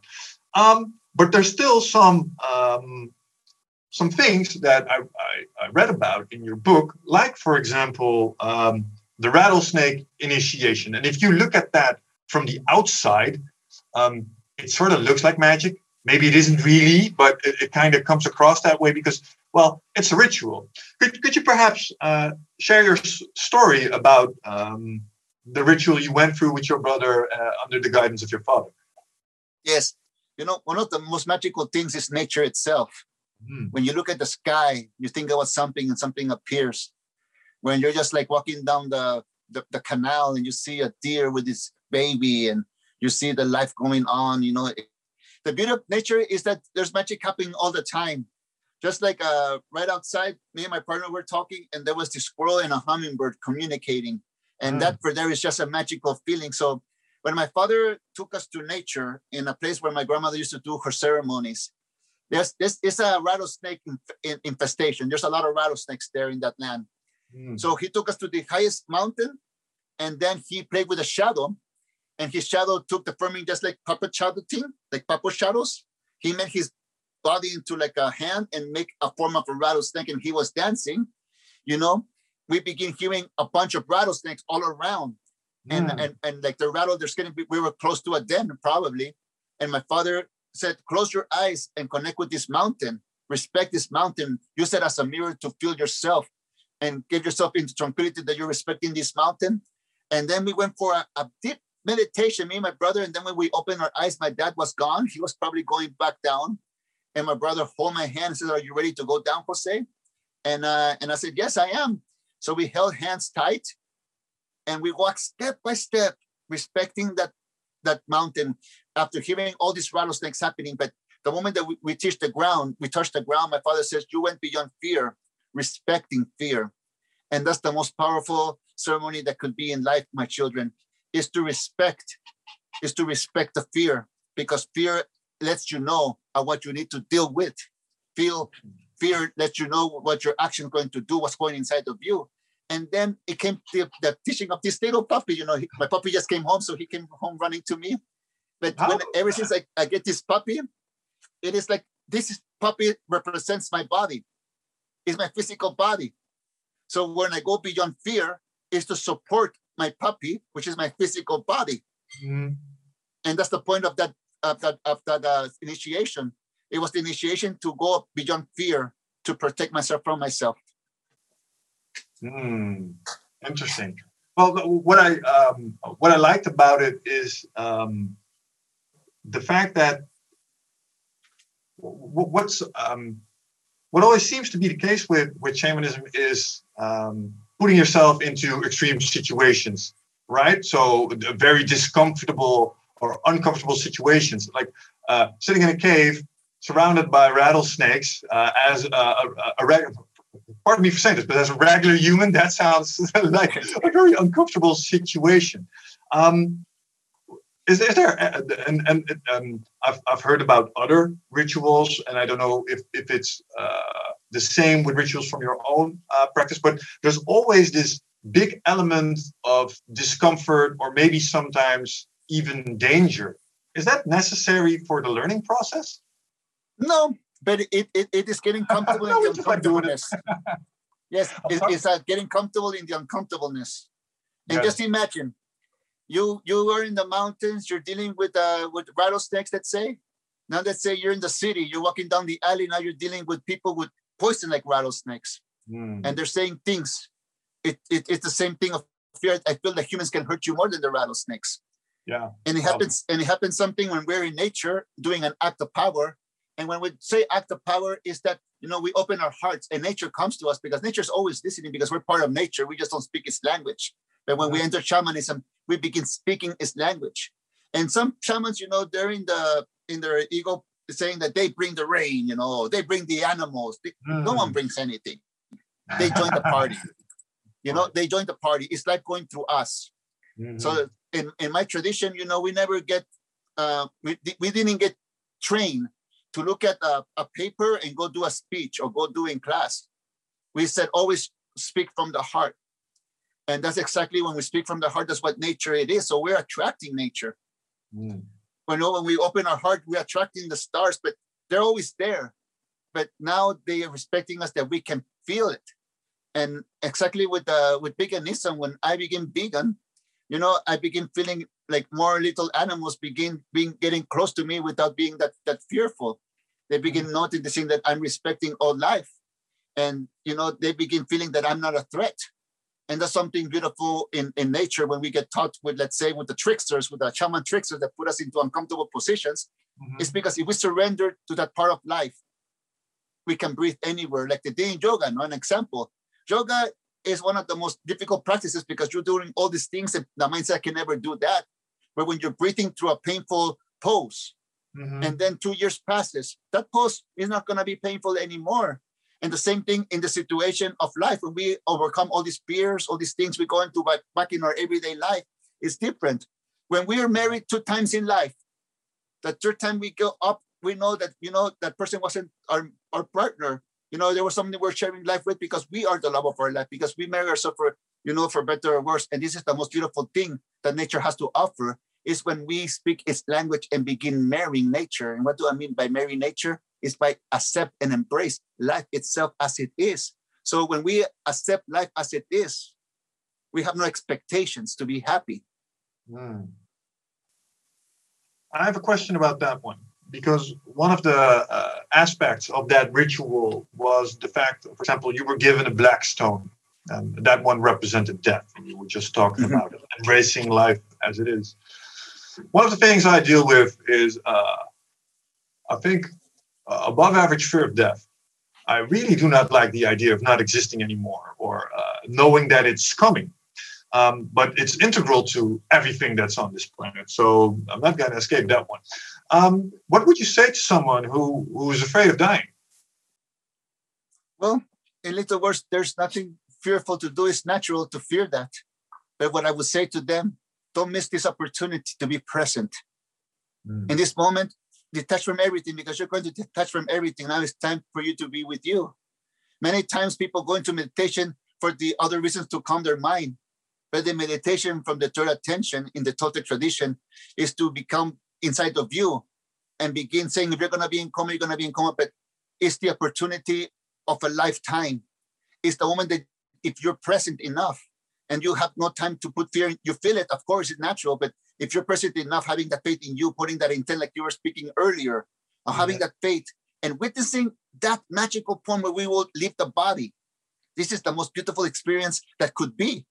So forget about having fear, embrace it because we're going to go there because there's two truths. We are alive, we're born, and we die. Those are two truths that we really know in this life. So when we get this epiphany, we're afraid to live life. We're afraid to let go. But yeah. when you say thank you, you embrace everything, everything begins to change because you're grateful to have had it. I understand what you're saying. I want to, and, and I really, uh, what I like about death is that it, um, like the Stoics say, uh, it gives flavor to the experience, right? Because you know it's infinite, you will appreciate every moment more. But I like this life so much. I, I love this this dream because I, am dreaming a, a, very nice dream at the moment. Uh, I never want the dream to end, and I think there's a sort of sadness to that, where I sometimes have to deal with sort of melancholy. It's like it's such a shame this has to end, right? Like like the, the aging, like becoming strong, and then having to deal with uh, becoming weak again and surrendering to that. That's just something that my personality type finds. Um, well, I'm going to have to deal with it, but it's going to be a struggle every now and then. Because if yes. I think about death, I'm like, oh, that's such a shame. could you could could you imagine that you're with somebody that you really love, that you're in love with, that you adore, that you do anything in the life for, and you're holding his or her hand. Mm. And uh, why even think about the day we're going to break up? Why even bring that into our awareness when we're having fun, or we're just getting up the roller coaster or mm. the or the Ferris wheel? We're going to hold hands. Why even bring it up? Yeah. Now, now we're bringing our fears into our relationship. Ah, that's interesting. So you're saying, but but isn't that sort of like playing for team ostrich, like it's putting a, your head in the sand? Like it's about oh. it's, it's, it's enjoying the now. It's enjoying the moment. Mm-hmm. You know, feelings are kind of come and go, and those feelings are want you to put a story to it, especially yeah. fear. And you know, and I admit sometimes I think about one day, I'm not gonna have my own thoughts anymore. I'm, I, I sit, I lay in my bed thinking one day I'm not gonna be thinking. So I say to myself, before that day happens, I'm gonna enjoy every moment that I have with the love of my life. That is me. Yeah. And that's the way that I remove fear, and that fear turns into gratitude. Gratitude to divine father mother that they give me this life so i can experience it and many people they don't know how to let go mm. they don't know how to die in life that they still suffering for the first marriage even though they're 50 or 80 yes are you um, aware of that poem by chief i want to say Tumuke I, I mispronounce that name but it's it's uh, a poem about meeting your death. So in the end, you should not be like one of those men that begs for more time in the end, but you should sing your death song like a hero going home. Like hmm. you really truly lived your life. And I, I would truly like to be like that. At, in between, yeah, you got to experience something. So you don't want this sentiment to take away your experience, but at the same time, I think you kind of have to be aware of it. So you check the boxes you need to check in, in terms of your own inner truth enable uh, to be able to sing that that death song like that hero go, going home if you talk about stories the story has to be completed for me i guess in order to be able to go for the next round? I, am curious about how you feel about that by the way. Uh, but does that make any sense to you? Yes it, it's it's an enjoyment you know because i know that i'm energy and when i go i will leave my dreaming mind here. And it's my dreaming mind who wants to survive. Mm. when i hmm. fall asleep completely deep i'm at peace. I wake up and i remember who i am but it's my dreaming mind who's going to be let go of. You know there's this powerful song that i love by a band called iron maiden and uh, the, the song is called hallowed be thy name and the end of the song is very powerful to me because it says, when you know that your life is close at hand, maybe then you'll begin to understand that life down here is just a strange illusion. And it's a strange illusion. We need fairy tale stories to not be afraid of things. We mm-hmm. need to attach to things to in order to be happy.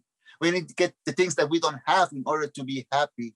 No one ever told us that where we're at is enough, that life is enough that we can share life with one another, that we try to conquer, you know, putting posts against one another's dream and my dream is the best, you know, someone gets a crayon and paints in art museum because they feel powerful enough.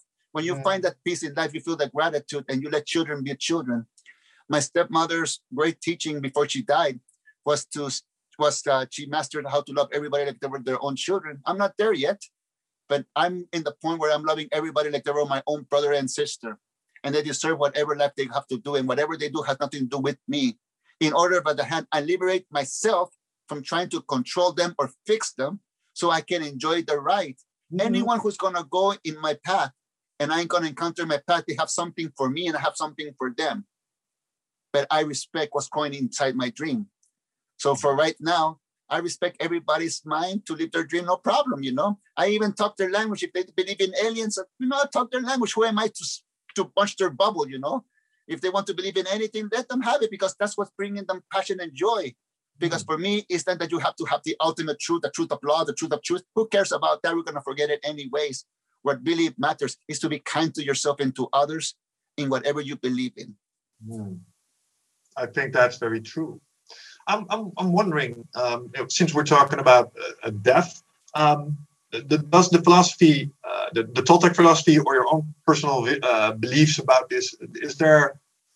What's the nature of this existence? Like I've spoken to people that tell me, well, this is a learning experience, and once this one is over, you're going to go for another ride, and another ride, and another ride, until you learn the lessons that you need to learn. And I really like that idea somehow.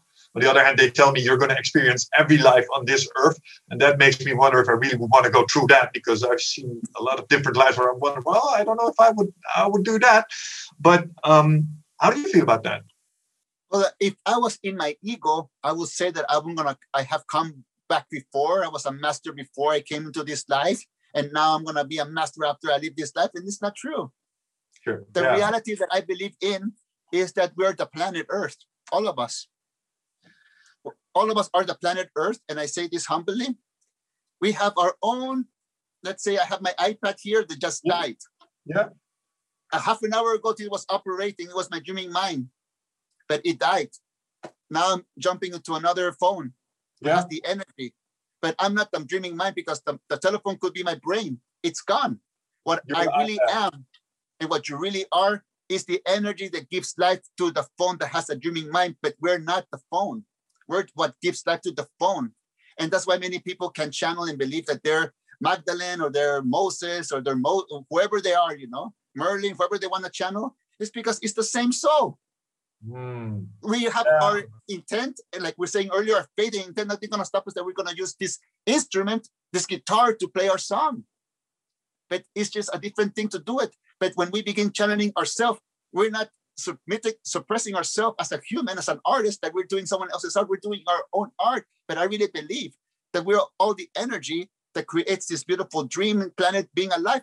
And you know, by you and me speaking right now, we're creating this energy that's gonna be trapped into this energetically com- uh, internet thing in the world. You know, that's gonna be eternal. It could be eternal. It could be a thousand years and someone can come up and listen to this conversation. We're not going to be here, but our energy will be. So when they tap into this phone, into this conversation, they will feel us. Mm. Just like we feel Jesus, Siddhartha, Quetzalcoatl, they're all parts of contributing into this dream, and we're contributors to this dream too. So, what's our purpose in life? To create. Yes. What's um, offering our heart to the altar? It comes with gratitude. I've thought about this a lot because um, very common in a, a lot of uh, philosophies is the whole um, Gaian mother spirit thing. Like, and it, it kind of makes sense, right? If you look at it like a sun, rays of light on something, earth, plants, animals, all that stuff. And there's something that I learned about a while back. I don't know if you've ever heard about this, but this is morphic resonance, um, which is sort of a, a, a frequency that um, apparently um, information exchanges across uh, maybe you heard about this anecdote uh, but uh, across species like like they had a sort of uh, internet amongst themselves. There were for example monkeys on an island that learned how to treat certain food by washing it in the river. And then other monkeys learned it as well. And then uh, all of a sudden there was a critical mass of monkeys and then uh, other monkeys that were isolated on other islands started showing the exact same behavior. And people who are uh, fans of that morphic resonance theory uh, basically us, see, this is sort of evidence that there's sort of a collective consciousness going on that exchanges information with each other. Um, and um, it's, it's like an energy field. And if you're uh, uh, like an entity, uh, an animal or a human, you're basically an expression of that energy. Uh, and it, if I listen to you, it comes and goes, and there's going to be uh, other ones. But this particular signature is unique for now. And that's what makes it so special, right? Yes. Yes, because we're co creating even what our elders did 2,000 years ago. We're still co creating, we're advancing. That's why my grandma said, if I catch you doing what I did, you're killing the Toltec tradition. I go, what do you mean, grandma? Don't copy me. This was my life. I overcame myself life will continue on and you have to overcome yourself and you're going on passing the torch forward and forward and forward because this is the dream that we live in. And it is contagious. This is how religious became to born because we have the spoken word the knowledge and we projected an extension of our brain which in the religious point of view our brain is the house of god is the house of devotion. So we build a church we build uh, pyramids we build all these places of divine worship Mm-hmm. And um, but it was an extension of that. So at one point in life, people begin not following that and thinking that they can only be, you know, sacred and respectful inside the house of a church or a building. And they forgot to be the main point that this was inside of us. And there's a lot of distortion. That's why there's no new message. It's always the common sense original message from the beginning of time. Old wine and new bags, basically. Mm. Yeah, yeah. I, oh, wow. And then, yeah, so we're kind of not doing what your grandma told us to do. So we're reinventing the same lessons over and over again, where you would hope that we would kind of like build upon those lessons. Or yeah, are well, we actually doing that? I think we're progressing as humans. I mean, it's it's it's sometimes it's tough and we make mistakes, but if I look at our history, we do seem to be building upon knowledge and expanding on it. If it's for the right, well, that's something to be discussed, and we might improve in that. But it's definitely what we're doing. Yes, exactly. And one thing that I, I love about this is that my grandmother, before she passed away, she was telling me that the Divine Mother's uh, teachings are going to come. And I go, what do you mean? You'll see. Because she used, she used to be a, a curandera, healer from her tradition that healed plants, vegetables, and all other kinds of uh, na- nature things. So you know, when she said that, I remember her doing these killings. And now when I go to the supermarket, brother, when I go to the supermarket, I see a juice, a juice place. And then I see all those juices, the detox, the cleansing, the good for eyes. I see all the ingredients that she used to use in her little ah. in her little room, but now it's being in the supermarket. And people not religiously, not not not going to temples, they're going to the supermarket they're going to exercise and they're putting that in their body. So mm-hmm. divine mother is coming back for no one can see. And it's about taking care of your physical being. And that's interesting to see. And we never see the change how we imagine it to be. It always comes someplace because we never see it coming. But this is the most beautiful thing about ourselves. When we begin working on ourselves, we don't see the change. but others begin seeing it Mm-hmm. because we're living in the moment. And this is now I talk about ghost town. We're not what we think we are when we grow. That's why when we wake up, we cannot go back to sleep. But many people try to go to sleep. They try to fit in what doesn't serve them anymore. And that's why they become unhappy. Mhm. Yes, yes. Um, I like what you said about um, how, how did you call it? The nature's the, the, the mother nature's coming back.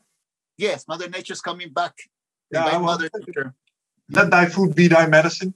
Um, and I think that if you, uh, if I, uh, at least if I look around me, there does seem to be an increase in awareness when it comes to taking good care of, like like self love in the most physical sense. Uh, maybe there's some optimizations to be had in the spiritual sense, but yeah, I understand, man. It's uh, it's it's definitely up and coming. So that's, I think that's a good thing because the, and that's maybe something we can speak to as well. I don't know if that's part of shamanic tradition, but I know Oh, yeah. that, that the way I treat my body greatly influences um, how pure, how pure, um, if my thought process is cleaner or dirtier than normal. So if I exercise regularly, I don't eat too much junk. My thought processes are way more clearer and way more harmonious than when I Yes. Not do these things? What, what, what, what, how do you look at that from a shamanic point of view? is that you're present to the order of the divine. And you're, whenever something happens, you're there ready to take charge of that order of taking care of your physical body. So all of us know when our physical body is not doing that good. And this is the moment that we unlearn what we put in our physical body and put something that makes our physical body better. And this is something that I did like six years. That's one of the reasons I went vegan because if I didn't go vegan in my way, because I was very unhealthy, I used to wear 260 pounds or 250 something pounds, 100 uh, more than 100 pounds that I weigh right now. Hmm. And I was I was ready um, I was ready to check out. My body was unhealthy. And if I wanted to continue doing what I love to do, I had to walk my talk. So I used my Toltec, you know, magic that is to unlearn. I used all my intent to unlearn, to take care of my physical body.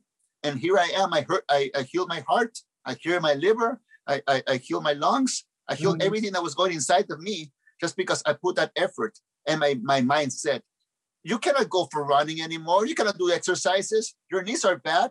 And I go, silencio, Jose. and I continue doing it every day, every day. People say you cannot do it. People judge me. No problem. I will do it. I want to listen to them because I'm doing it for the love of my life. I'm doing it for my nature because this is my nature. This is where I live. This is my home. And I need to feel good. You know, there was a point I couldn't breathe anymore. I stood up and I, I was out of breath. And, and I said, I'm not walking my talk. I say that I love the body, I love life, but look at how I'm treating my body. And, you know, and this is the point of the Toltec that we- it can change your life to anybody because you're unlearning what doesn't serve you anymore. And only you know, whoever's listening, only you know what's not serving you. You don't need someone to tell you to do this to you. You know, your respect for yourself, you will know. And that's the moment that shamanism wakes up. It's nothing personal, it's just the truth. Hmm. Sometimes we need to let go of an old way so the new dance can begin. Yeah. Let's talk a little bit more about letting go of that old way because if I look at myself and my old ways, they're usually there because of uh, uh, some sort of self protection. You talked about numbing uh, certain uh, things that you uh, judge yourself on. And I think this is re- uh, related to it. Can we talk a, a little bit about Toltec inventory and recapitulation? Or uh, I don't know if that's how it recapitulation. I don't know if I Yes. that. What what It's exactly? to is, is to really wake up in a in a dream quest, in a vision quest. And the Mm, vision quest is to look at yourself from an personal point of view, to look at your reactions from a personal point of view, to look at your reactions with not defending them at all, just looking what you do. So what happens when you see that? You look at your whole life and there's no justifications. You're just seeing how it is. So and if your awareness you see something that you don't like, change it. Simple as that. Because one of the reasons to feel our domestication is to break it. We got mm-hmm. aware how we're domesticated. And when we become aware how we're domesticated, we let it go and then we begin re-domesticating ourselves. I have to ask, by the way, because I've I've seen these, I've seen one of these Muppets now. So what's the last one called? They look This adorable, not- by the way.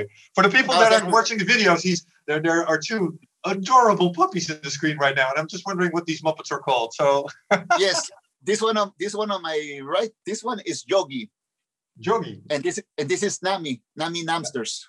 the, The do- do- namaste and the yoga. I'm sorry. It's namaste. It was namaste, but we call him Nami Namsters. But it was Ah, it was inspired by by Nami and Jogi. He's a, he's the third Jogi in my life, but it's because of, of you know Jogi Yogananda. okay. Yes, I thought Yogi Bear, but no, I don't know who Yo- Yogi Nanda was. So, who, yeah, it's from the Hindu tradition, the Swamis, and Ah. uh, and the and the Tibetan they call yogis. So I I have fun, you know, because they, when people ask me, "Do you have a yogi?" I go, "Yes." It's pure love. I did something similar with a cat once. And I, I used to do Brazilian Jiu Jitsu really fanatically, and I named my cat Rickson Gracie. Oh, I love that. sort of, sort of the same thing. Um, but it, it kind of brings me to uh, what I wanted to ask you about because um, the, the the Toltec inventory and recapitulation, like like you said, is uh, looking at yourself objectively and um, determining what the right path would be, looking at the dream you would like to live if you would be impeccable with your word. Correct? Mm-hmm. Yes. All and, and and also to do healing to do healing in ourselves and healing is basically to acknowledge and to let go to let go situations that doesn't serve us anymore hmm? Is that the same as forgiveness, or is it different? it, it is forgiveness in action it is forgiveness without expecting to hear from people is that you learn the lesson and the true forgiveness is not that people forgive you for what you did it's for us to get the point to not repeat that act again to the people that we know now and tomorrow Hmm. Do, do you feel and whenever that? people Oh no, I'm sorry. Please finish your sentence. No, and when people are ready to forgive us, and that's their choice, we're not gonna be beggars to forgive them, to, to ask us to forgive us. Whenever they're ready, they're ready. But the most thing that we can do when we want forgiveness is to not repeat the acts, and especially when we hurt ourselves. Let's say, you know, I'm in AA, and I've been wanting to heal myself, and uh, and and that act of AA, you know, I begin taking care of taking care of myself and not wanting to drink, not wanting to do these things, walking, walking my talk. Mhm. And uh, and I could see everything that led me, that everything that that alcohol took away from me, uh, the people that I hurt. But now I get my power back. In order to forgive myself, is to not put that poison in my body anymore. Uh, yes, I understand. I, I have a, a, a- follow-up question on that though, um, because I've wronged people in my life, as everyone has. But uh, there have been cases where I sort of came clean, so I confessed, and there was forgiveness. Sometimes I confessed, and there wasn't uh, forgiveness. But there are still wrongs that I really haven't confessed to. However, I bear that uh, I bear that cross for myself because I somehow feel why should I revisit this uh, past wrong with this person in order to feel better a little bit for myself. But some people would say no, you have to definitely come clean and confess to this. What are your thoughts on this? Because my personal feeling is like I don't have to bother people with this if I learned my lesson. Well, the, the thing is that we don't need to disrupt no one's dream, because sometimes when we do acts of that we're not so proud of that hurt us, just our Mhm. very presence in their face can we open their wounds, and how selfish it is just to open someone else's wound on for us to be healed. No, like I said Mhm. before, we change, we change, we change ourselves. We don't have to gossip about ourselves. Like you have the epiphany, oh, this happened, but I haven't voiced it out. But in me, I'm already working on it. I don't need something inside of you is telling you not to go there. And someone who's blind faith, no, you have to do that, you have to do that, you have to do that. It's like someone saying to you, no, you now you have to marry this girl, now you have to marry this boy, now you have to do this, you know, because you promised. No, you did that act, it's in your consciousness, but that act helped you in your life to not do it again. Mhm. But you don't have to gossip about yourself, especially when you feel it already. When you feel something and you honor it. Mm, yeah, have, if you respect the feeling, then you learned your lesson, and there's no need to open the wounds again because that would Mhm. cause more damage and disrupt their experience of life and take away happiness. So that's Yes, not an act of love, basically. That's an act of selfishness. exactly because for some people we're dead, you know. Yeah. All right. They don't have us in their life anymore, so we're not invited. And why should we go and in, in disrespect their life just for us to feel okay when they're already gone?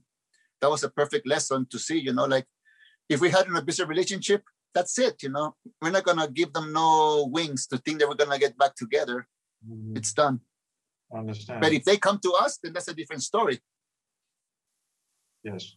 All right. All right. Yeah. So the, thank you. Thank you for clarifying that. That, that makes it more clear to me. Um, now, I, I would like to talk about because, uh, of course, we had uh, your beautiful uh, dogs uh, uh, in the screen right now. I would like to talk about uh, the relationship between shamanism and animals, uh, also referring to your last book, uh, Shamanic Power Animals. I really like this one, though. Um, I have a few questions, but first, could you speak to um, the relationship between animals, shamanism, and the, the human dream in general?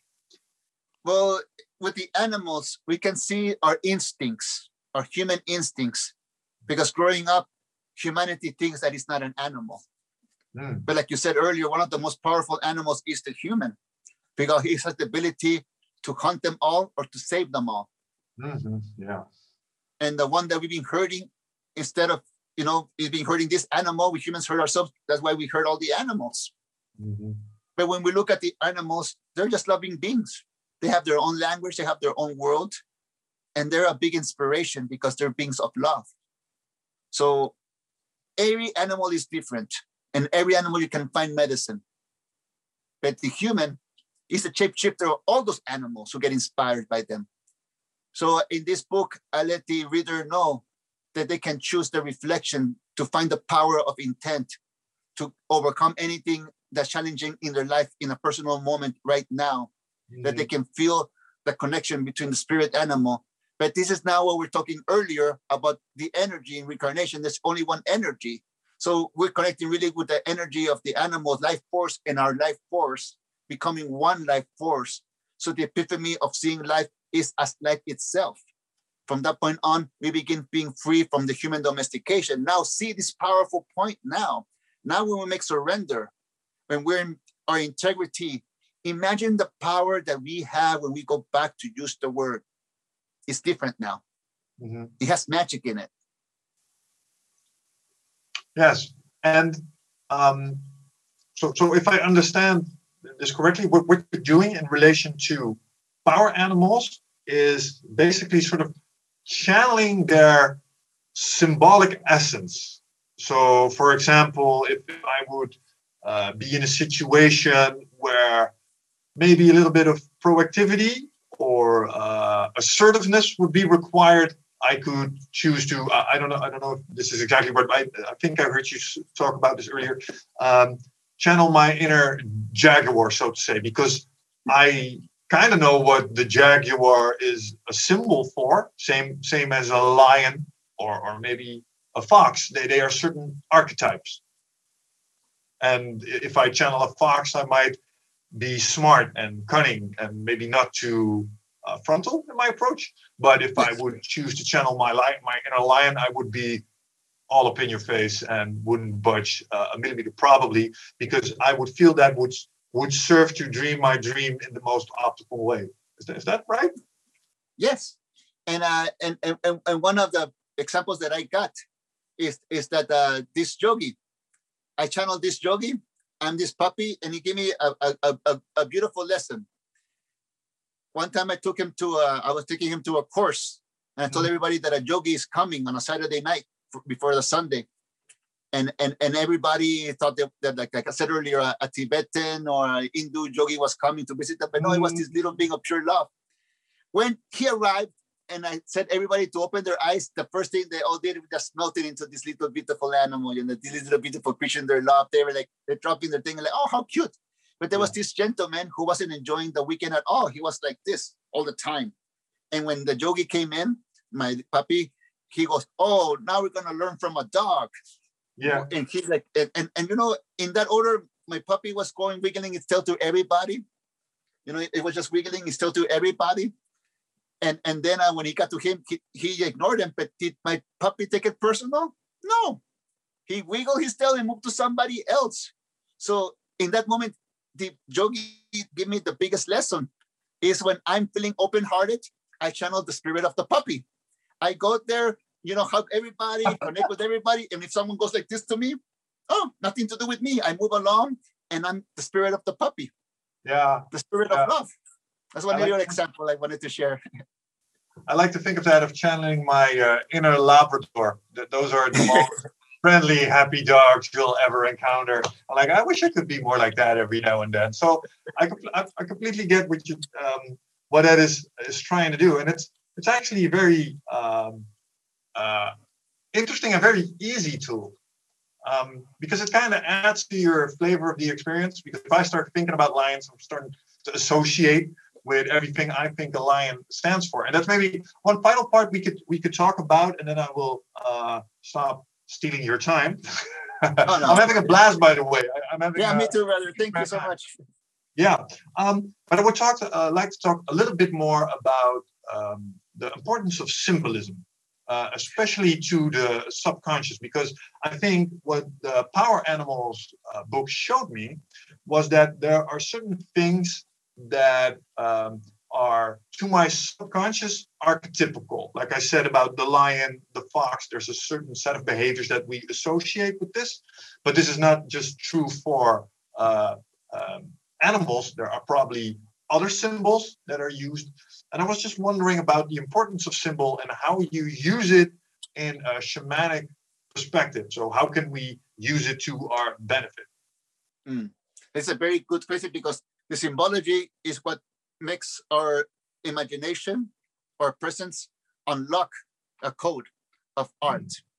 Because the artist paints in symbols a message. Yes. It's not only just a painting, it's a message, it's a story.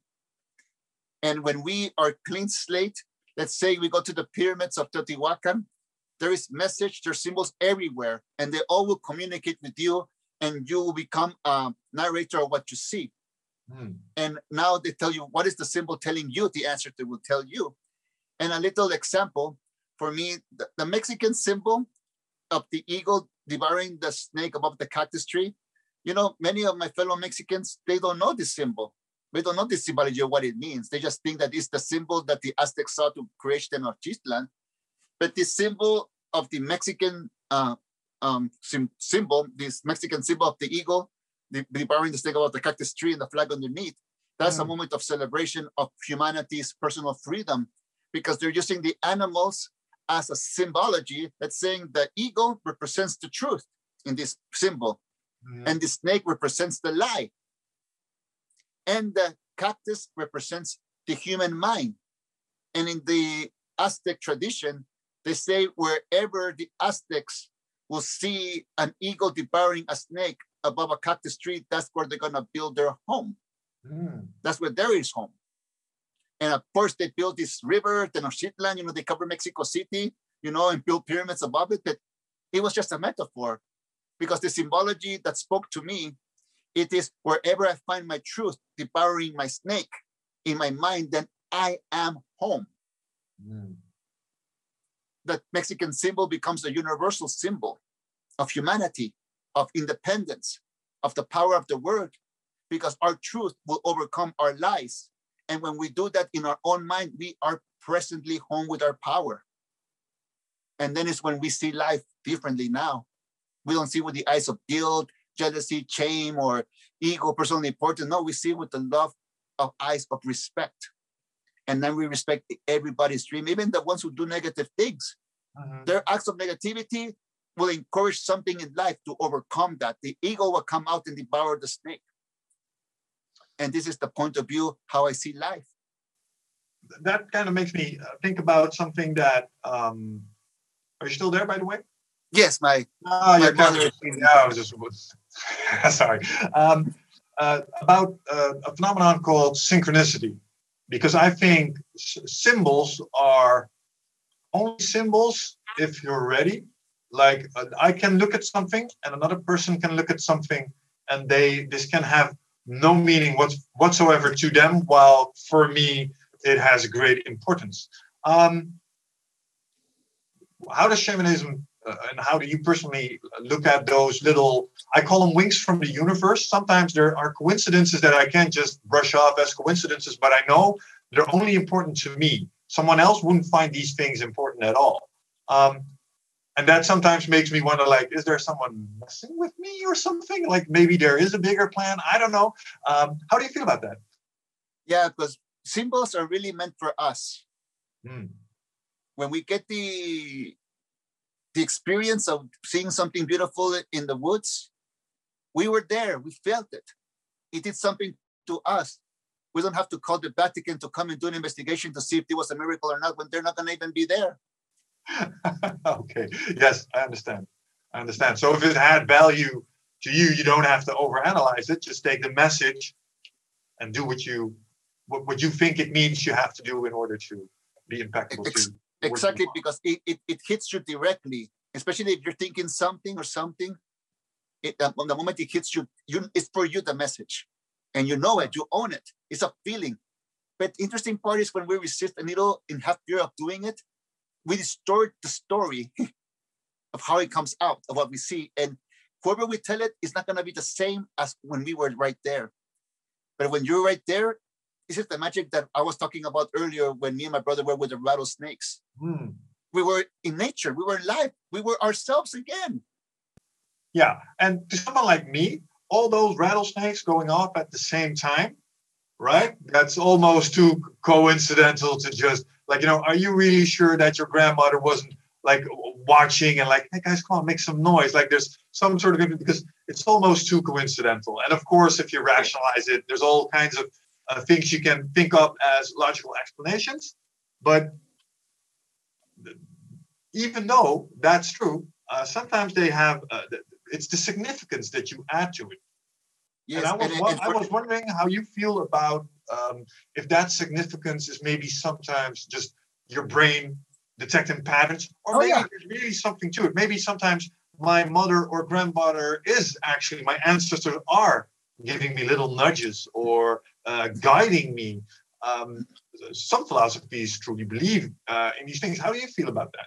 Well, the, the grandmothers and, and families always honoring us because they want the best for us, and that intent, that wish will always be eternal. If they make it once, it's gonna always be eternal, no matter what we do in life, no matter what situation we're life. That energy is around us because we carry and honor that. And the moment that I was coming down the, the, the, the mountain with my brother with all those rattlesnakes, all those rattlesnakes that were rattling their tail, they were afraid, just like me and my brother were. So we were reflecting that to each other. The moment that we both say we're not harmed to each other, we're watching our steps. We're both controlling our both fears in order to go along instead of attacking each other out of fear. And they come another experience years later.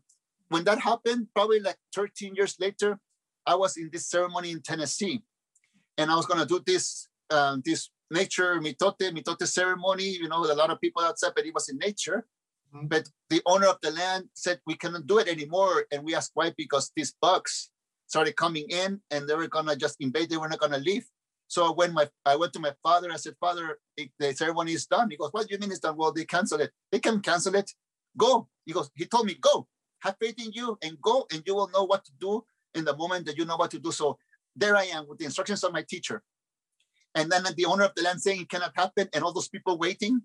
I open my mouth and bugs can come in, but something happened. Um, I noticed that people wanted freedom. And then I noticed the bugs wanted freedom, but they were doing kamikaze. They were almost suicide under the fire. They were throwing themselves into the fire pit. Mm-hmm. And I don't know what got into me. I got this hand. I got it. I, I, dumped, I, I, I dumped it in a bucket of water. And then I put my hand inside the flame and I begin pushing all the bugs that started coming doing suicide. They started thinking that they were going for the light because it was nighttime. I started pushing them away for like two, three minutes. I just started doing this and everybody was watching me. And then all of a sudden, there were no bugs.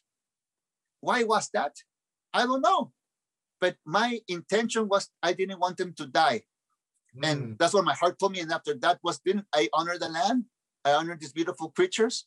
So I can get permission to open my mouth and share my love with everybody who was participating in that ceremony. I didn't know what I was doing. My father told me to go there and I would know exactly what to do. And the thing was to respect life. Yeah And if you would have spoken to me five years ago, I would probably rationalize the ever loving hell out of that. But right now, I think that's that's remarkable. And I don't really know what to think about it. But my intuition tells me there's something more to that somehow. Uh, so I, I, find these kind of stories. I always get a little frozen when I hear stuff like that. I think I think that's amazing. So yes, um, and yeah. Thank you. Um, oh, thank you, brother. And and, and I was feeling, you know, for, for, excuse me. I, was, I, was, thank you for the sharing of your uh, stories uh, and, and, your wisdom. So, um, uh, uh as uh, we usually do at this podcast, if our readers uh, would like to know more about you or maybe read one of your books, um, where can they find more about you and your family? Well, I, I, you can find what me and my family are doing in my father's website called miguelruiz.com. And there's always stuff happening. And all the three of us have, have uh, social medias. And my, my brother shares, I share, and I, I and my father shares sometimes, but I, I like to share on Mondays in English. Um, in, in I share sometimes in Spanish during the week, but in, on Mondays, every Monday in the morning, I share something from the heart. It could be um, 10 minutes or half an hour, up to 50 minutes. I just talk and that you can find me on Instagram so I can speak with everybody just channeling. But I, I am so happy that uh, that the, in November and the late November, I, I'm going to have the opportunity to go to Amsterdam. I know you're from Dutchland, so I'm going to be in Amsterdam. Uh, are you planning on coming to Europe? Because if so, I would love to invite you uh, oh. to maybe meet or do another podcast. We uh, we can do a live uh, recording. I would love that.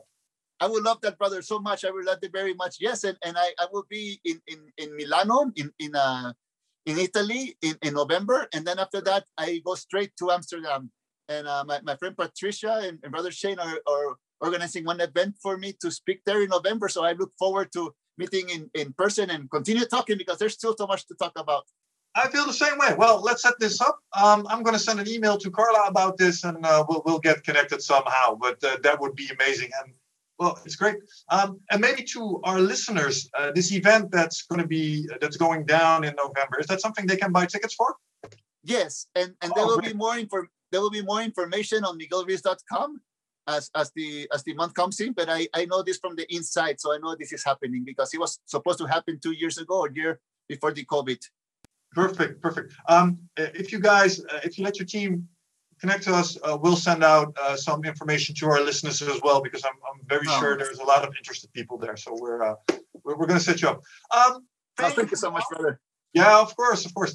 Um, and we're going to meet up in November. It's going to be it's going to be yes, awesome. great. Um, thank you so much to our listeners. Uh, please go check out uh, these wonderful books. They brought so much uh, uh wisdom into my life. Uh, the Four Agreements or the, the Five Agreements, uh, Wisdom of the Shamans, and of course, um, shamanic power animals. Go check it out.